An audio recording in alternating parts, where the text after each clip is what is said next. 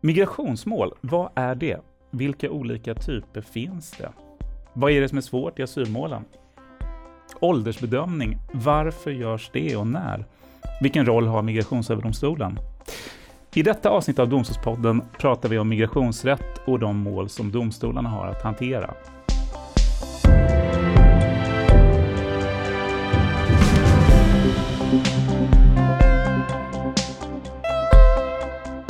Hösten 2015 fylldes medierna med bilder och berättelser om flyende barn och vuxna som tog sig över Medelhavet med livet som insats.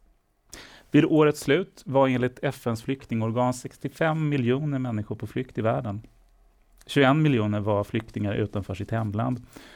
Och av de här kom under året 163 000 till Sverige för att söka asyl. Det var dubbelt så många som året innan. Flest kom från Syrien, Afghanistan och Irak. 35 000 var ensamkommande barn och ungdomar. Det här innebar att flera myndigheter fick hantera en större mängd ärenden än tidigare, inte minst Migrationsverket och med viss eftersläpning migrationsdomstolarna. Med oss idag för att berätta mer om domstolarnas hantering av migrationsmål har vi jag säger välkommen till Domstolspodden. Maria Eka, domare på Förvaltningsrätten i Stockholm, som också är migrationsdomstol. Tack så mycket. Och varmt välkommen till Domstolspodden Björn Berzelius, domare på Kammarrätten i Stockholm, som också är migrationsöverdomstol. Ja, tack så mycket. Mm. Vi ska prata om migrationsmål idag. Jag tänker att vi börjar lite med en eh, tillbakablick. Migrationsdomstolarna, hur länge har de funnits och hur såg det ut innan migrationsdomstolarna inrättades? Björn? Ja, de, migrationsdomstolarna och Migrationsöverdomstolen då, eh, mm. de, de, inrättades 2006, våren 2006. Och eh, det ersatte ett tidigare system där vi hade en, en domstolsliknande nämnd som var det organ som överprövade Migrationsverkets beslut. Eh, Utlänningsnämnden hette mm. den och den hade varit igång sedan 1992. Så att eh, eh, det var ett helt annat system då. Så att eh, i och med den här reformen så blev det alltså domstolar som prövade de här migrationsmålen. Mm. Det, är en, eh, det är en bild av hur, hur det såg ut innan domstolarna inrättades. Vi inledde programmet med att eh, berätta om år 2015. Ett år som vi, vi utgår från i den här diskussionen. Var, varför är 2015 ett, ett så centralt år att prata om, Maria? Vad är det som händer år 2015? Ja, då eh, på grund av olika omvärldsförändringar, mm. saker som hände i Syrien, Afghanistan, Irak, andra länder, så blev det kanske fler människor på flykt än vad man har kunnat se under senare år. Eh, och som du nämnde tidigare, över 163 000 kom hit till Sverige. Eh, de sökte om uppehållstillstånd här i Sverige. Det prövades av Migrationsverket. Det blev naturligtvis en stor påfrestning för Migrationsverket mm. att eh, pröva alla dessa ansökningar och eh, vi har egentligen sedan 2015 sett eh, en stor belastning på Migrationsverket men också på migrationsdomstolarna där vi har fått betydligt fler mål att pröva än vad vi har haft under senare år. Mm. Om man jämför 2015 och 2017 så kom det in ungefär 9000 mål till eh, vår domstol i Stockholm, Migrationsdomstolen mm. i Stockholm. Eh, men förra året, 2017, så kom det in över 17 000 mål. Så att det är i stort sett en fördubbling. I stort sett, ja. Eh, när man pratar om 2015-2016 eh, så är det ju också förändringar av regelverk och liknande.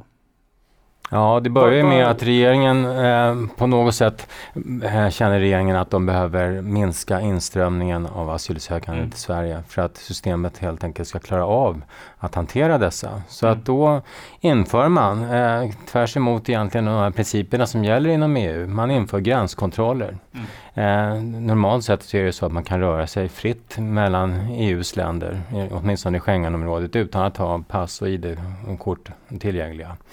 Men nu införde man en, eh, ja, en gränskontroll helt enkelt. Som ganska dramatiskt eh, stoppade en del människor att komma till Sverige. Och samtidigt i november 2015 så aviserade regeringen på en presskonferens att man skulle skärpa lagstiftningen, eh, tillfälligt i vart fall. Eh, man skulle begränsa möjligheterna för folk att få tillstånd eh, i Sverige. Mm. Och i praktiken, för när man pratar om eh, skärpningen, vad, mer i detalj, vad innebär den skärpningen som regeringen aviserar då? Ja, en av de sakerna som eh, kom med den här tillfälliga begränsningslagen, det var att eh, normalfallet tidigare var att hade man skyddsbehov så skulle man normalt sett få ett permanent uppehållstillstånd. Det är inte så att det följer av lagen men tidigare praxis var ganska tydlig på den mm. punkten att man brukade få ett permanent uppehållstillstånd. Eh, nu sa man det att nej, nu anpassar vi oss till EUs regelverk, de direktiv som finns på området. Eh, och eh, ser vad vi kan göra. Eh, vi behöver ge flyktingar, de som erkänns som riktiga flyktingar, konventionsflyktingar som man brukar säga, de ska få ett treårigt uppehållstillstånd. Medan de som bara har ett annat skyddsbehov, de kanske har flytt kriget eller annan omänsklig behandling eller så, de ska bara få ett ettårigt uppehållstillstånd. Mm. Eh, så eh, det blev en ganska stor skillnad. Och kanske inte precis där utan det här hade ju konsekvenser när det gällde möjligheten att få eh, familjeåterförening till stånd. Eh, familjeåterförening eh, förutsätter normalt sett att man har ett permanent uppehållstillstånd, den personen som finns i Sverige, de personerna. Eh, så att det blev en ganska stor, eh, ja, det blev svårt för människor att faktiskt kunna återförenas med sina familjer. Eh, vad fanns det mer? Eh, det var, vi, hade, vi har en bestämmelse i utlänningslagen som handlar om synnerligen ömmande omständigheter. Ja, eller för barn då, särskilt ömmande. Den här bestämmelsen sa man att under en begränsad tid så ska den inte tillämpas. Man ska inte, åtminstone inte kunna bevilja uppehållstillstånd med stöd av denna. Om det inte är så att det skulle strida mot ett svenskt konventionsåtagande, som man sa i, i propositionen. Om vi håller oss till frågor just kring asylmål. När, eh, när Migrationsverket har, eh, har prövat en fråga om, om asyl, eh, avslagit en ansökan om asyl och den överklagas, vad är det som händer då, Maria? Mm. Ja, då kommer ju överklagandet in till en migrationsdomstol. Vi har ju fyra stycken sådana i Sverige, ska man ju kanske också nämna här. Kan ju, eh. kan ju nämna också, var, var har vi migrationsdomstolarna? Ja, eh, de finns i Malmö, mm. Göteborg, Stockholm och Luleå. Mm. Eh, men det som händer mest påtagligt till att börja med, det är ju egentligen att Migrationsverket lite grann byter roll. Från att Migrationsverket då har prövat en asylansökan mm. som första instans, så blir Migrationsverket sen den asylsökandes motpart när målet hamnar i domstol. Eh, och det vi gör i domstolen eh, det är ju att överpröva Migrationsverkets beslut. Och våra utgångspunkter då är ju det material som har kommit fram i processen hos Migrationsverket. Eh, det är ju asylutredningar där den asylsökande har lämnat sin berättelse och angett de omständigheter som han eller hon åberopar till stöd för att få skydd här i Sverige. Eh, det kan vara skriftlig bevisning och det kan också tillkomma nya omständigheter i domstolen som vi behöver beakta när vi ska göra vår bedömning. De här nya omständigheterna, vad kan det handla om i, i eh, praktiken? Ja, det kan vara att eh, eh, den person som vill få uppehållstillstånd i Sverige kanske från början har åberopat att det finns en hotbild mot honom eller henne i hemlandet. Mm. Men det kan komma till att eh, eh hotbilden har förvärrats eller det kan vara ganska dramatiskt nya omständigheter. Till exempel att den här personen har konverterat från sin ursprungliga religion, kanske islam, till kristendom. Mm. Och det är någonting som måste bevisas i så fall av, av eh, den enskilde? Ja, processen går ju ut på att det är eh, den som vill få uppehållstillstånd som ska göra sannolikt att han eller hon har ett eh, skyddsbehov eh, och därmed ska bli betraktad som flykting eller som alternativt skyddsbehövande. Mm. Om man jämför den processen med processen på den allmänna sidan, om man tar ett brottmål, mm. är den, hur skiljer de sig åt? Ja, eh, det är väl, skulle jag säga, framförallt det här med bevisprövningen eh, eller beviskraven som ställs som är eh, en ganska stor skillnad. Som jag just nämnde så i eh, migrationsmålen så ska ju den asylsökande eller den som söker uppehållstillstånd göra sannolikt sin berättelse och därmed att den har ett skyddsbehov i Sverige. I brottmål ska det vara ställt utom allt rimligt tvivel mm. att en person har eh, begått ett brott. Och då är det dessutom åklagaren i ett brottmål som, som ska visa detta, mm. inte den enskilde själv. Jag funderar här på när det gäller de regelverk eh, som migrationsdomstolen har att utgå ifrån under en, under en prövning av asylmål. Eh, vad, vad, vad, är det ni i domstolar behöver ta fasta på och utgå ifrån? Om vi pratar om svenska regelverk, internationella regelverk osv. Björn? Ja, det är just det att vi har ju svensk regelverk, vi har en svensk utlänningslag och mm. en utlänningsförordning. Eh, det finns lite andra lagar som förvaltningsprocesslag som behandlar hur domstolen ska hantera processuella frågor. Men eh, det stannar inte där utan vi har ett regelverk som har beslutats inom EU. Det finns ett antal direktiv som handlar om hur man ska pröva asylmål mm. och hur man ska bedöma de här olika asylskälen som finns. Eh, sen utanför det så har vi ju eh, Europakonventionen, eh, eh, den här konventionen som handlar om mänskliga rättigheter. Eh, och den gäller ju också som svensk lag så att den blir ju ganska intressant när det gäller både mål som rör skyddsskäl men också när det gäller familjeåterföreningsfrågor och sådana saker. Eh, vi har internationella konventioner som Sverige har skrivit på. Eh, vi har åtagit oss att eh, försöka förhindra all form av tortyr i världen. Eh, till exempel. Så att vi har både svenskt regelverk, ett regelverk inom Europeiska unionen och vi har det här med, lite ännu mera internationella med mm. FN-systemet och så. Ur ett perspektiv där jag som inte är jurist, eh, kan regelverk krocka med varandra? Kan svensk ett svenskt regelverk och internationella regelverk stå i clinch med varandra på något sätt? Ja, när det gäller svensk lagstiftning så har vi förhoppningsvis gjort så att den är helt i överensstämmelse med de direktiv som finns inom mm. EU. Och skulle det vara så att det finns någonting som skiljer åt så är det ju direktiven och de förordningar som finns, det är det som gäller. Mm. Så att det ska inte bli någon konflikt. Även om det kanske är så att det ser ut som att det kan finnas någon nyansskillnad någonstans. Vi eh, pratar ju nu om asylmål. Vad, vad, är, vad är svårt för domstolen när det gäller att, att pröva den typen av mål, Björn? Ja, om vi backar tillbaka till den här jämförelsen med brottmålen mm.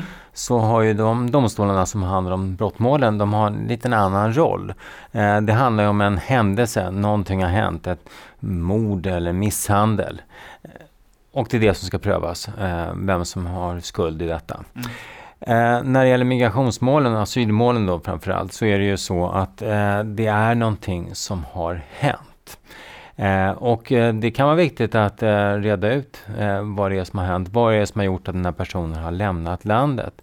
För att är det allvarliga saker som har hänt tidigare så kan det naturligtvis ha betydelse för vad som kan hända framåt i tiden. Så att eh, inte nog med att det är svårt att reda ut vad det är som har hänt tidigare. Mm. Utan vi måste alltså göra en bedömning. Vad kommer hända personen om han eller hon återvänder till hemlandet?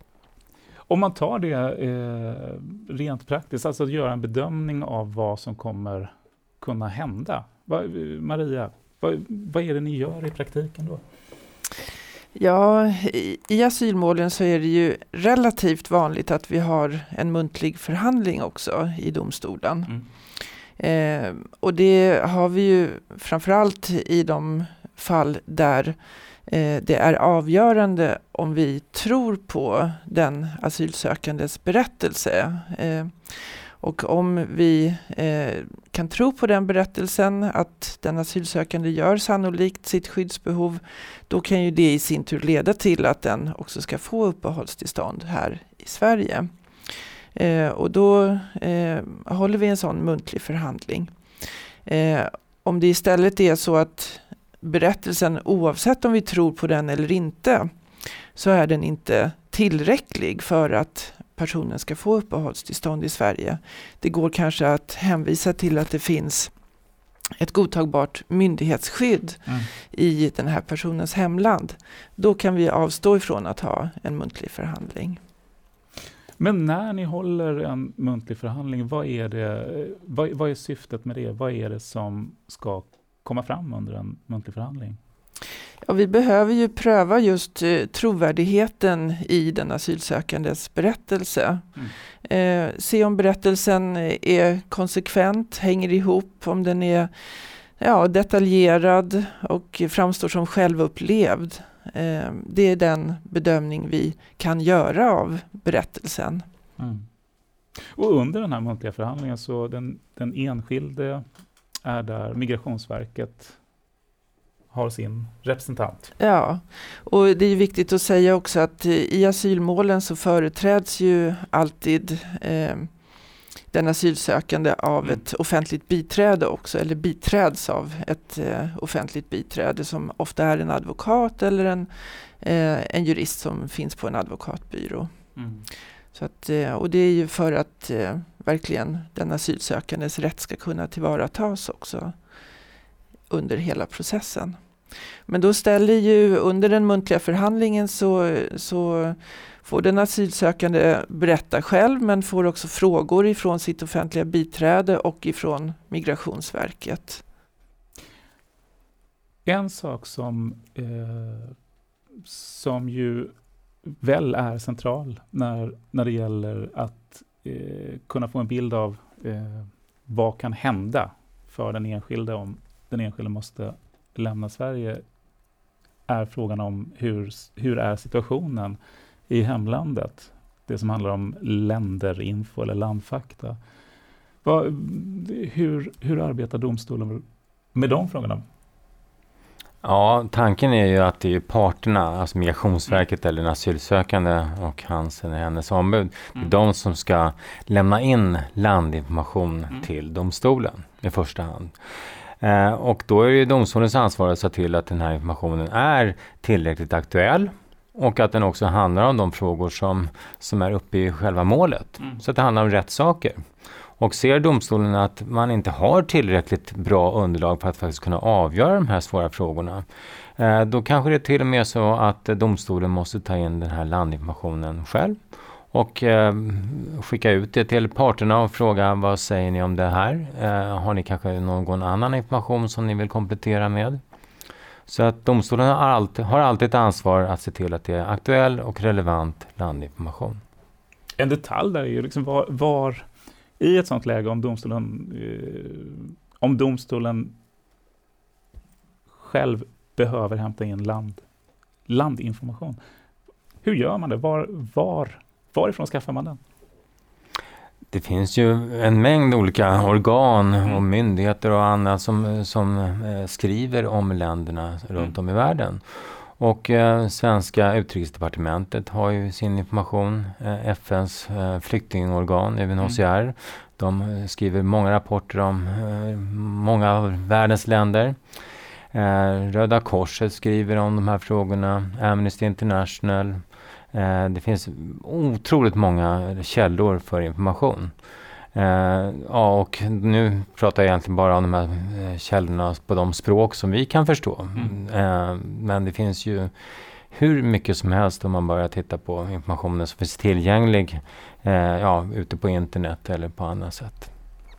Ålder, när vi pratar om asylmål, är en viktig faktor. Varför, varför är åldern någonting som, som är viktigt att ha med?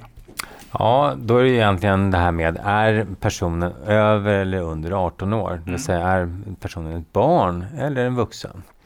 Eh, barn har lite lättare att få asyl. Barnen kan ha egna asylskäl. Eh, barnen har också lättare eh, i förlängningen att få eh, familjeåterförening, att få eh, hit sina föräldrar till exempel. Så att det är eh, en fördel i asylmålen och i migrationsmålen att vara ett barn. Ja, men för domstolens del när det gäller åldersfrågan, vad är det, ni har pratat tidigare om under, underlag. Vad, vad utgår domstolen från när det gäller åldersfrågan, Maria? Ja, till att börja med får man ju tänka på att det är den asylsökande som ska göra sin ålder sannolik. Mm. Eh, det är utgångspunkten. Eh, och ofta när ett mål har kommit till domstolen då har vi ju de underlag som eh, har tagits fram hos Migrationsverket att utgå ifrån. Och då kan ju en, en medicinsk åldersbedömning vara ett av de underlagen. Men det domstolen gör är ju en helhetsbedömning av den asylsökandes muntliga uppgifter om mm. sin ålder och de skriftliga underlag som kan finnas. Eh, och då är ju som sagt var den medicinska åldersbedömningen ett av de underlagen. Mm. Uh, utan att gå in på detaljer, när man pratar om medicinsk åldersbedömning, vad, vad, är det vi pratar om då? Ja, det görs ju en bedömning av eh, knäleder och visdomständer, alltså mm. utvecklingen av knäleder och tänder. Mm. Och utifrån de undersökningar som då har gjorts så drar eh, kunniga läkare på det här området slutsatser om eh, personen kan, om det är sannolikt att personen är under eller över 18 år. Mm. Ja, en sak som är viktig i det här sammanhanget det är ju det att en åldersutredning görs ju först när den här asylsökande inte har lyckats göra sannolikt att han eller hon är under 18 år. Så att den erbjuds ju den här undersökningen för att eh, ja, ge den här personen en möjlighet att faktiskt visa att han eller hon är underårig. Mm. Den, görs inte, den görs inte i alla lägen alltså, utan det är den görs inte i alla lägen. Det kan finnas mål som faktiskt eh, den asylsökande har dokument mm. med pass eller andra eh, bevis eh, som visar att han eller hon är eh, underårig. Mm. Men tyvärr så är det ju så att många saknar de här dokumenten. Så därför är det väldigt svårt att faktiskt kunna bedöma en persons ålder. Det går inte att titta på bara utseendet. Det här är väldigt svårt att avgöra ålder. Maria och Björn, alltså Maria du jobbar på Migrationsdomstolen, Björn på Migrationsöverdomstolen. Eh, Migrationsöverdomstolens roll i sammanhanget? Om man skulle beskriva den kort och koncist, Björn. Mm. Migrationsöverdomstolen är ju den högsta instansen i de här migrationsmålen. Mm. Eh, vi kan jämföra med Högsta domstolen eller Högsta förvaltningsdomstolen. Eh, och det betyder ju det att migrationsdomstolen har en roll att ta fram vägledande avgöranden som Migrationsverket och domstolarna ska då följa. Eh, det är vår huvudsakliga uppgift. Och då är det ju framförallt rättsliga frågor som vi tittar på. Hur ska man bedöma eh, en viss kriterie i en lag, om det är uppfyllt? Hur gör underinstanserna? Ser vi svårigheter? Behövs det ett förtydligande hur man ska tolka eh, en viss paragraf? Det kan ju också vara så att eh, vi ser att underinstanserna, alltså migrationsdomstolarna, gör mm. olika. Eh, vi ser att i en del av landet så brukar man normalt sett få bifall på sin asylansökan. Men i ett annan del av landet så ser vi att domstolen mer är benägen att eh, avslå på ungefär samma skäl. Eh, ser vi det, att det, det, verkar vara en tydlig skillnad, mm. så kanske vi även måste släppa upp mål som handlar om förhållandena i en visst land. Eh, annars brukar vi normalt sett inte göra det för att vi vet ju att förhållandena ändras ju hela tiden. Så att vi kan inte hela tiden ha mål rörande eh, bedömningar av olika länder. Det ändras hela tiden. Vi har väldigt många länder i världen som det kommer asylsökande ifrån.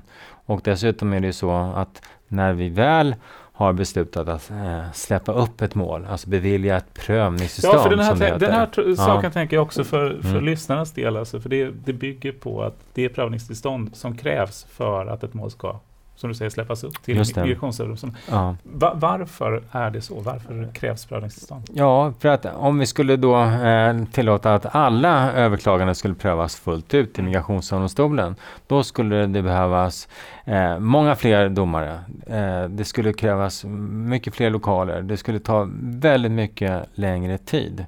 Eh, redan nu så är eh, den här asylprocessen ganska lång.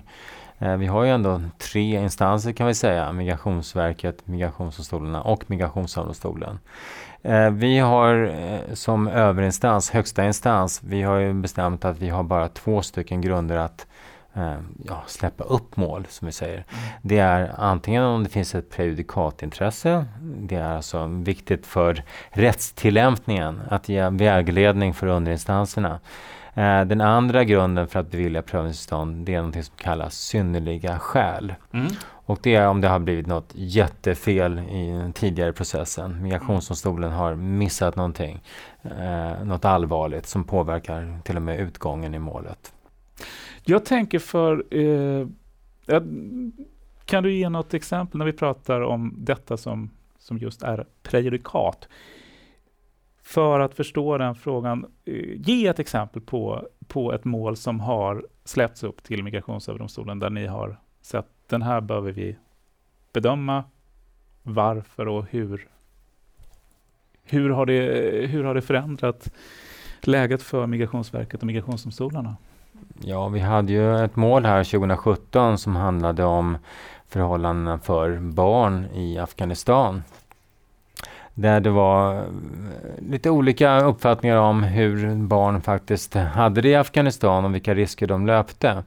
Och eh, det var ju så att underinstanserna eh, beslutade ibland att de här barnen skulle få stanna som eh, flyktingar. Eh, och ibland så tyckte man att eh, förhållandena var inte så farliga så att de kunde nog eh, åka tillbaka till Afghanistan. Och där sa Migrationsdomstolen då eh, förra året att eh, det var så många risker eh, för eh, åtminstone vissa barn i Afghanistan att det faktiskt fanns ett skyddsbehov. De blev inte ansedda som flyktingar men mm. de, blev, de fick en status som alternativt skyddsbehövande, som det heter. Och Maria, för din eh, och dina kollegors del, det, den prejudicerande domen från Migrationsöverdomstolen, hur funkar det? Ja, det funkar ju så att eh, om Migrationsöverdomstolen har beslutat i en viss riktning, mm. då är ju det ett vägledande avgörande mm. eh, som vi i migrationsdomstolarna ska beakta och, eh, och följa när vi sen fattar våra beslut och avgör våra domar. Mm. Och just det, eh, det målet som, eller den domen som Björn beskrev. Hur snabbt går det innan den börjar gälla för alla, migrations, alla fyra migrationsdomstolar? Ja, den börjar ju gälla omedelbart efter att Migrationsöverdomstolen har kommit med sitt vägledande avgörande. Så att mm. alla mål som vi har att avgöra efter den tidpunkten, där eh, utgår vi ju då ifrån den bedömning eh, som Migrationsöverdomstolen har gjort. Ja, och i det här målet, man kan naturligtvis inte besvara alla frågor eh, i ett och samma mål. Mm. Utan det som vi ser nu är att man har lite olika syn på hur unga vuxna ska behandlas. Har man precis fyllt 18 år, vad gäller då? Vilka eh, slutsatser kan man dra av det här tidigare målet rörande barn? Mm. Ja, så där ser vi igen att man gör lite olika i domstolarna och därför så har vi beviljat prövningstillstånd i ett nytt mål i Migrationsöverdomstolen. Som vi väntar på att få veta hur Migrationsöverdomstolen tänker bedöma. Det är mm. intressant. Har ni en bevakningslista på, på områden där ni tänker att det, här kommer det vara läge att släppa upp ett mål? Här finns eller hur, hur, hur funkar ja, det? naturligtvis har vi identifierat ja. ett antal frågor som skulle vara intressanta att ja. släppa upp.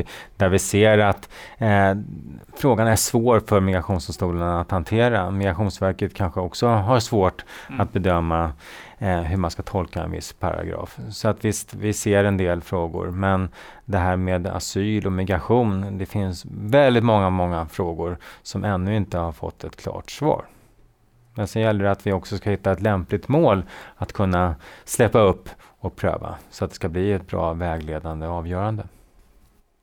Maria, vad, vad är det som intresserar dig med de mål du arbetar med på Migrationsdomstolen? Ja, jag tycker att det, det är viktiga mål. Eh, det är mål som är ingripande för den enskilde. Ska den personen få stanna i Sverige eller återvända till sitt hemland? Det är naturligtvis väldigt eh, ingripande och, och angelägna frågor för den enskilde. Eh, det är också komplexa mål många gånger. Eh, vi ska bedöma eh, ja, omständigheter som eh, ska ställas då mot den svenska lagstiftningen men också där det finns internationella aspekter på det hela. Sen tycker jag att det kan handla om många gånger djupt eh, personliga frågor för mm. den enskilde också. Eh, det kan ju handla om vilken religiös övertygelse den personen har eller vilken sexuell läggning den har mm. som i sig då kan utgöra ett skyddsskäl för att få stanna här i Sverige. Eh, och det är ju många gånger gripande människoöden som vi möter i de här målen också. Mm. Björn, vad intresserar dig med din roll som domare i Migrationsöverdomstolen? Ja, när det gäller just migrationsmålen så, ja, till skillnad från vissa andra måltyper vi har, så är det här ibland helt livsavgörande eh, frågor för den enskilde. Mm. Det handlar ibland om liv eller död. Eh, det kan också handla om att kunna förenas med familjemedlemmar. Eh, så det är stora, viktiga frågor. Uh, juridiken är spännande. Den har ju väldigt många internationella inslag. Uh, man blickar ut i världen på ett helt annat sätt jämfört med andra måltyper. Det handlar om förhållanden i länder som man knappt har sett eller hört talas om. Uh, man får veta väldigt mycket om världen och hur människor har det i andra delar av världen. Uh, så att just de här stora viktiga frågorna, det tycker jag är mest spännande med migrationsmålen. Att det är så viktig roll vi har i domstolen att det ska bli rätt. Eller i vart fall att utredningen ska vara så bra som möjligt och vi kan kanske aldrig hitta sanningen, det är inte vår uppgift utan vi ska ju se, uh, har personen gjort sannolikt att han eller hon har till exempel rätt till asyl? Har Migrationsverket lyckats eh, uh, motvisa detta?